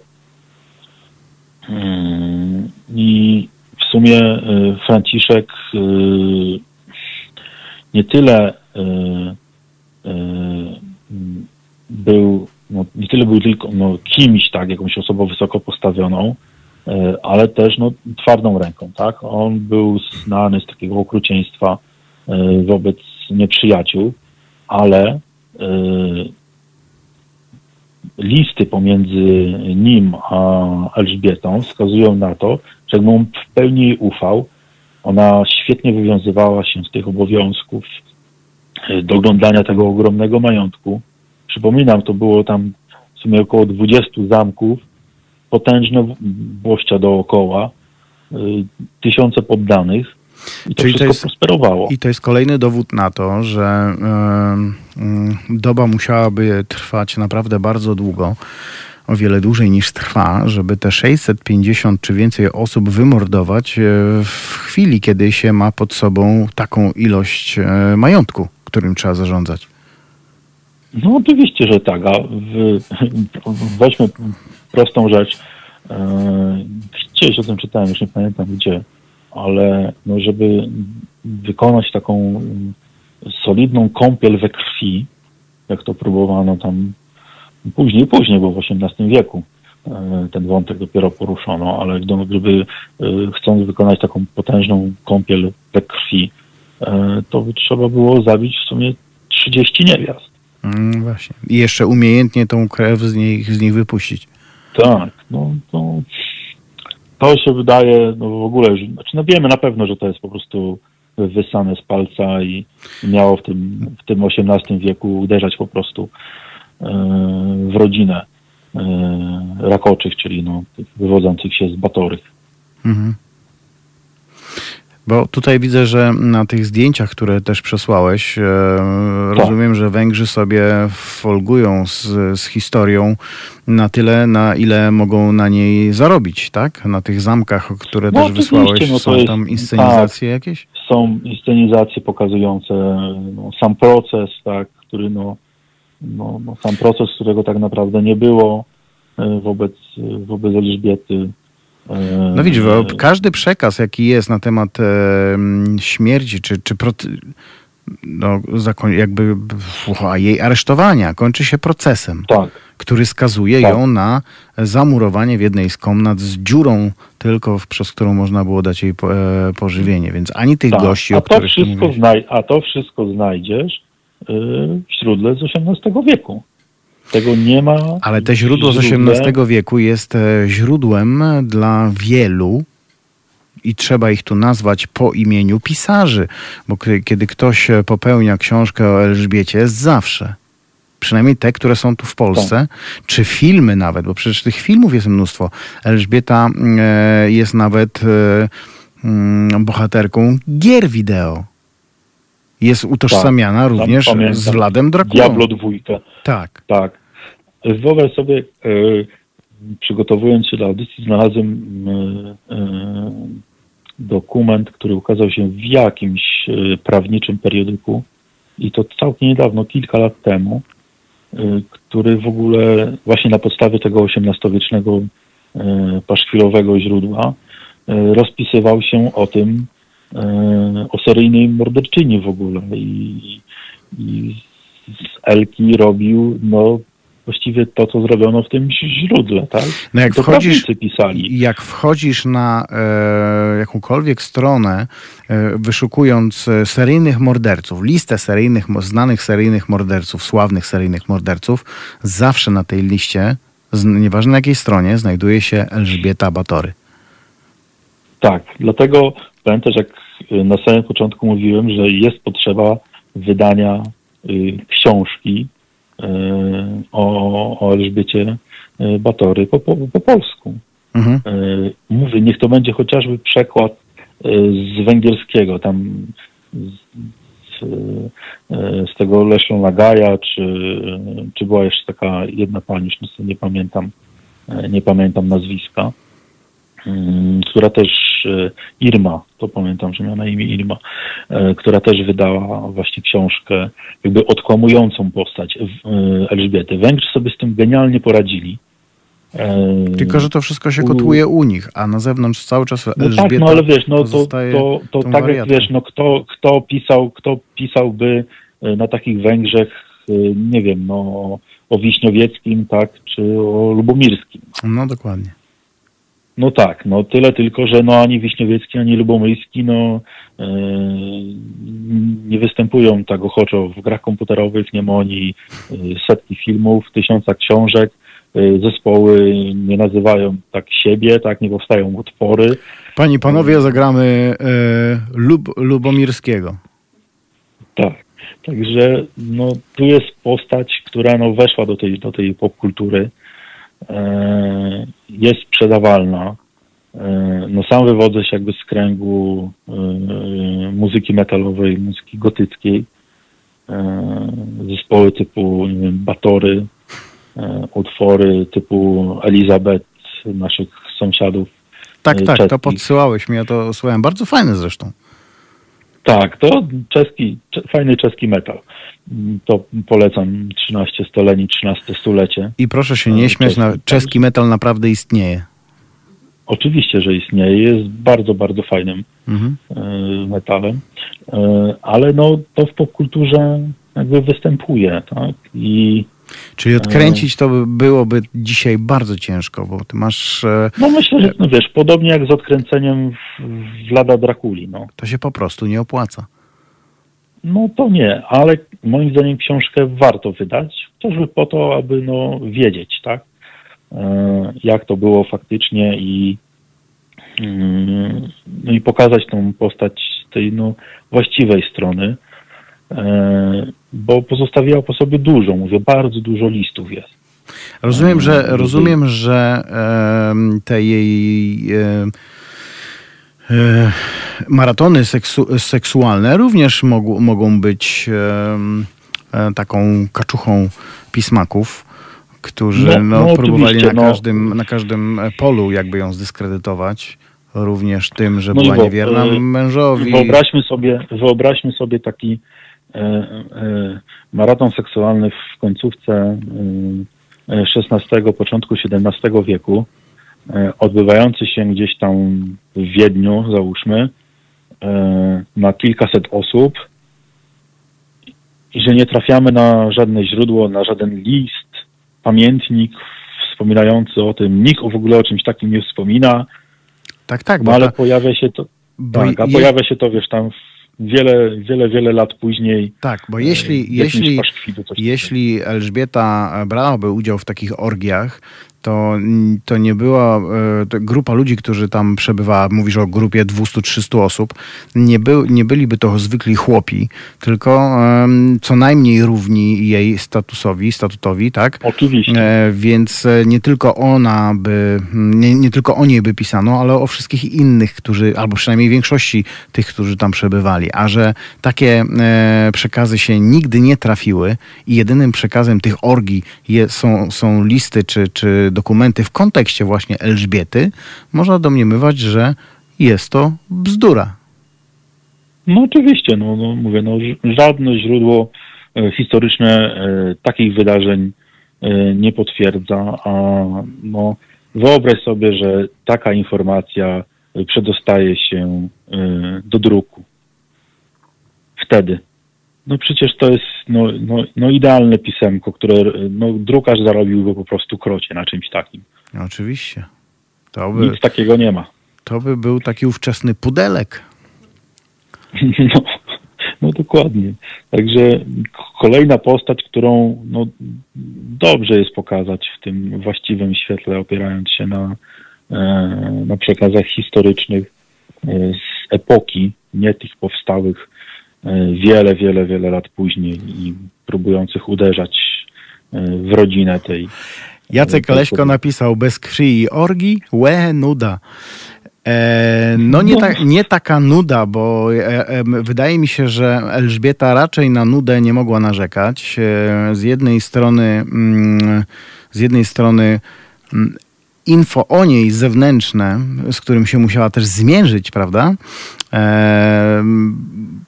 Druga sprawa, e, zarządzanie majątkiem.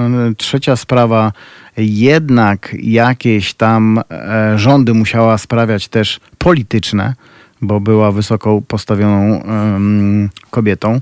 Więc ja myślę, że, że nudy ona nie miała. My też nie możemy mówić, że, że bez krwi i orgii to nuda, bo ta historia, która się za nią ciągnie, jak za przeproszeniem smród, smród po gaciach, zostanie jeszcze długo, długo, długo, długo na kolejne pokolenia. Więc możemy sobie tutaj mówić o tym, że była, nie była, nudy nie będzie.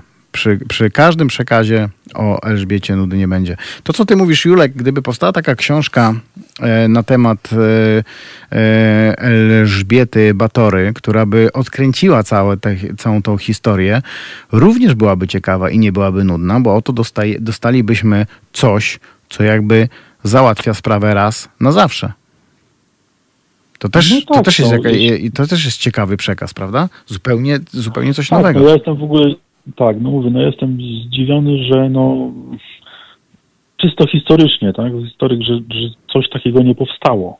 Mhm. E, przyznam, szczerze byłem, no byłem w szoku, gdy to odkryłem. Sądziłem, że e, już to wiemy, e, że no druk, druk się przyczynił do tego, że odkłamiemy e, to, e, co no, ten druk e, naniósł lata wcześniej na tą postać, ale niestety musimy chyba jeszcze poczekać. Ile, nie wiem, ale Ja fajnie myślę- jakby coś takiego Ja wyszło. myślę, że nawet jeśli coś w Polsce takiego wyjdzie, mm, nie wiem jak wielką, pro, jak wielką promocję wyda, wydawca czy, czy producent filmowy, bo można też to w formie filmu zrobić oczywiście, jak bardzo musiałby e, to zareklamować, wypromować, jak ile pieniędzy musiałoby pójść na to, żeby odkręcić całą historię, to musiałaby być ogromna kampania, nie jedną książką, ale e, kilkoma książkami, filmami dokumentalnymi, fabularnymi. Całą tę historię trzeba by było odkręcić, napisać na nowo, a to jest po prostu niewykonalne. Tym bardziej, że dzisiaj w dobie tylu mediów, e, takich, takich, tak zróżnicowanych mediów, byłoby to po prostu ciężkie, bo ten szajs, który o niej napisano, rozlał się wszędzie, po całym internecie, po telewizji, po książkach, po, po, pras, po prasie. Przecież mówiłeś też o, o różnych e, felietonach, tak? Czy, czy nie wiem, Tak, to, pra- to było, no mówię, w prawniczym wydawnictwie naukowym no, kilka lat temu i, i były powielane po prostu takie mity. Ja to czytałem, to się łapałem za głowę, że no, trzy, trzy osoby, y, trójka prawników tak z tytułami mogła wypuścić coś takiego, gdzie no, te kilka lat temu y, mieliśmy dostępy do, do, do tych źródeł, no tylko by trzeba było no, sięgnąć do nich, a nie, nie opierać się na, na czymś, co powstało wiele, wiele lat y, po śmierci Elżbiety i przedstawiają ją w świetle no, bardzo, bardzo niekorzystnym. Według Halo Radio i Halo Zbrodni e, Elżbieta Batory e, była e, mm, może nie tyle dobrą kobietą, dobrym człowiekiem, co na pewno nie była e, taką wariatką i takim wampirem, w cudzysłowie wampirem, jak ją maluje historia. Mm, Obalamy kolejny mit, e, tu nam się robi zamiast halo zbrodnia, to halo obalamy mity. Em, Julek, dziękuję Ci bardzo za Twój kolejny e, kontakt z nami, telefon i, pogadanki. Masz e, niesamowitą wiedzę i pasję. Chwała Ci za to. E, czy Ty wiesz, kto to był Anatolij Onoprienko? Pytałeś mnie y, tydzień temu, znaczy wiedzieć to wiem, tylko no, No, mam nadzieję, się to... przygotowałeś. nie, nie, nie, ale nie jest to, że tak powiem, y, y, mój krąg zainteresowań, tak? To już troszkę wybiega po, poza to, czym się tak interesuje na, na co dzień. Dobrze, zatem szanowni Państwo, drodzy Halo Radio słuchacze, e, za tydzień Anatolii Onoprienko. Nie wiem jak to wyjdzie, dlatego że em, no, trzeba by było o nim wiele poczytać, ale będziemy rozkminiać. Spróbujemy znaleźć jakiś, jakiś środek na to, żeby ten Anatolii nam się wylał tutaj e, w programie, żebyśmy mogli o nim powiedzieć jak najwięcej, jak najciekawiej. Julek, raz jeszcze dzięki za, za to, że, że Również bardzo dziękuję, pozdrawiam Że ci się chce o tej porze jeszcze tyle gadać. A to zawsze z przyjemnością. Historii zawsze warto Nadrabiasz- i nadrabiasz- właściwy nadrabiasz to, czego nie robi Asia, czy, czyli Asia nie mówi dzisiaj nic, a my sobie Ale pogadaliśmy. nas świetnie realizuje, za co jej bardzo, bardzo dziękuję. Ależ oczywiście, no jest mistrzynią świata. I ja też się cieszę, że ona jest tu z nami. E, dobrze, e, to żegnamy się, tak? E, Julek, dzięki raz jeszcze, śpi dobrze. Również dziękuję, pozdrawiam wszystkich. Super, fajnie, dzięki. E, My również będziemy się już e, żegnać z Państwem za e, kilkanaście sekund. Czyli jeszcze raz Onoprienko za tydzień, a ja zapraszam również w niedzielę na Halo, tu się czyta. Będziemy mieli zdalnie tym razem gości, ale bardzo ciekawe dwie kobiety, pisarki. Będziecie zaskoczeni, bo obie, mimo że obie są pisarki, obie piszą, e, są bardzo różne, piszą zupełnie inny e, gatunek. E, Będziemy mieli książkę erotyczną, a druga książka to biografia Szulca. Więc e, będzie naprawdę, naprawdę bardzo ciekawie. Ze mną będzie Piotr, realizator i współprowadzący. Mm, A teraz się już żegnamy. Asia Macha, e, szczęśliwa może wrócić do domu. A nie, tu, tak? A, dobrze. E, tak czy owak, Asia idzie spać. e, Ja idę spać, wy idźcie spać i e, zapraszam jutro.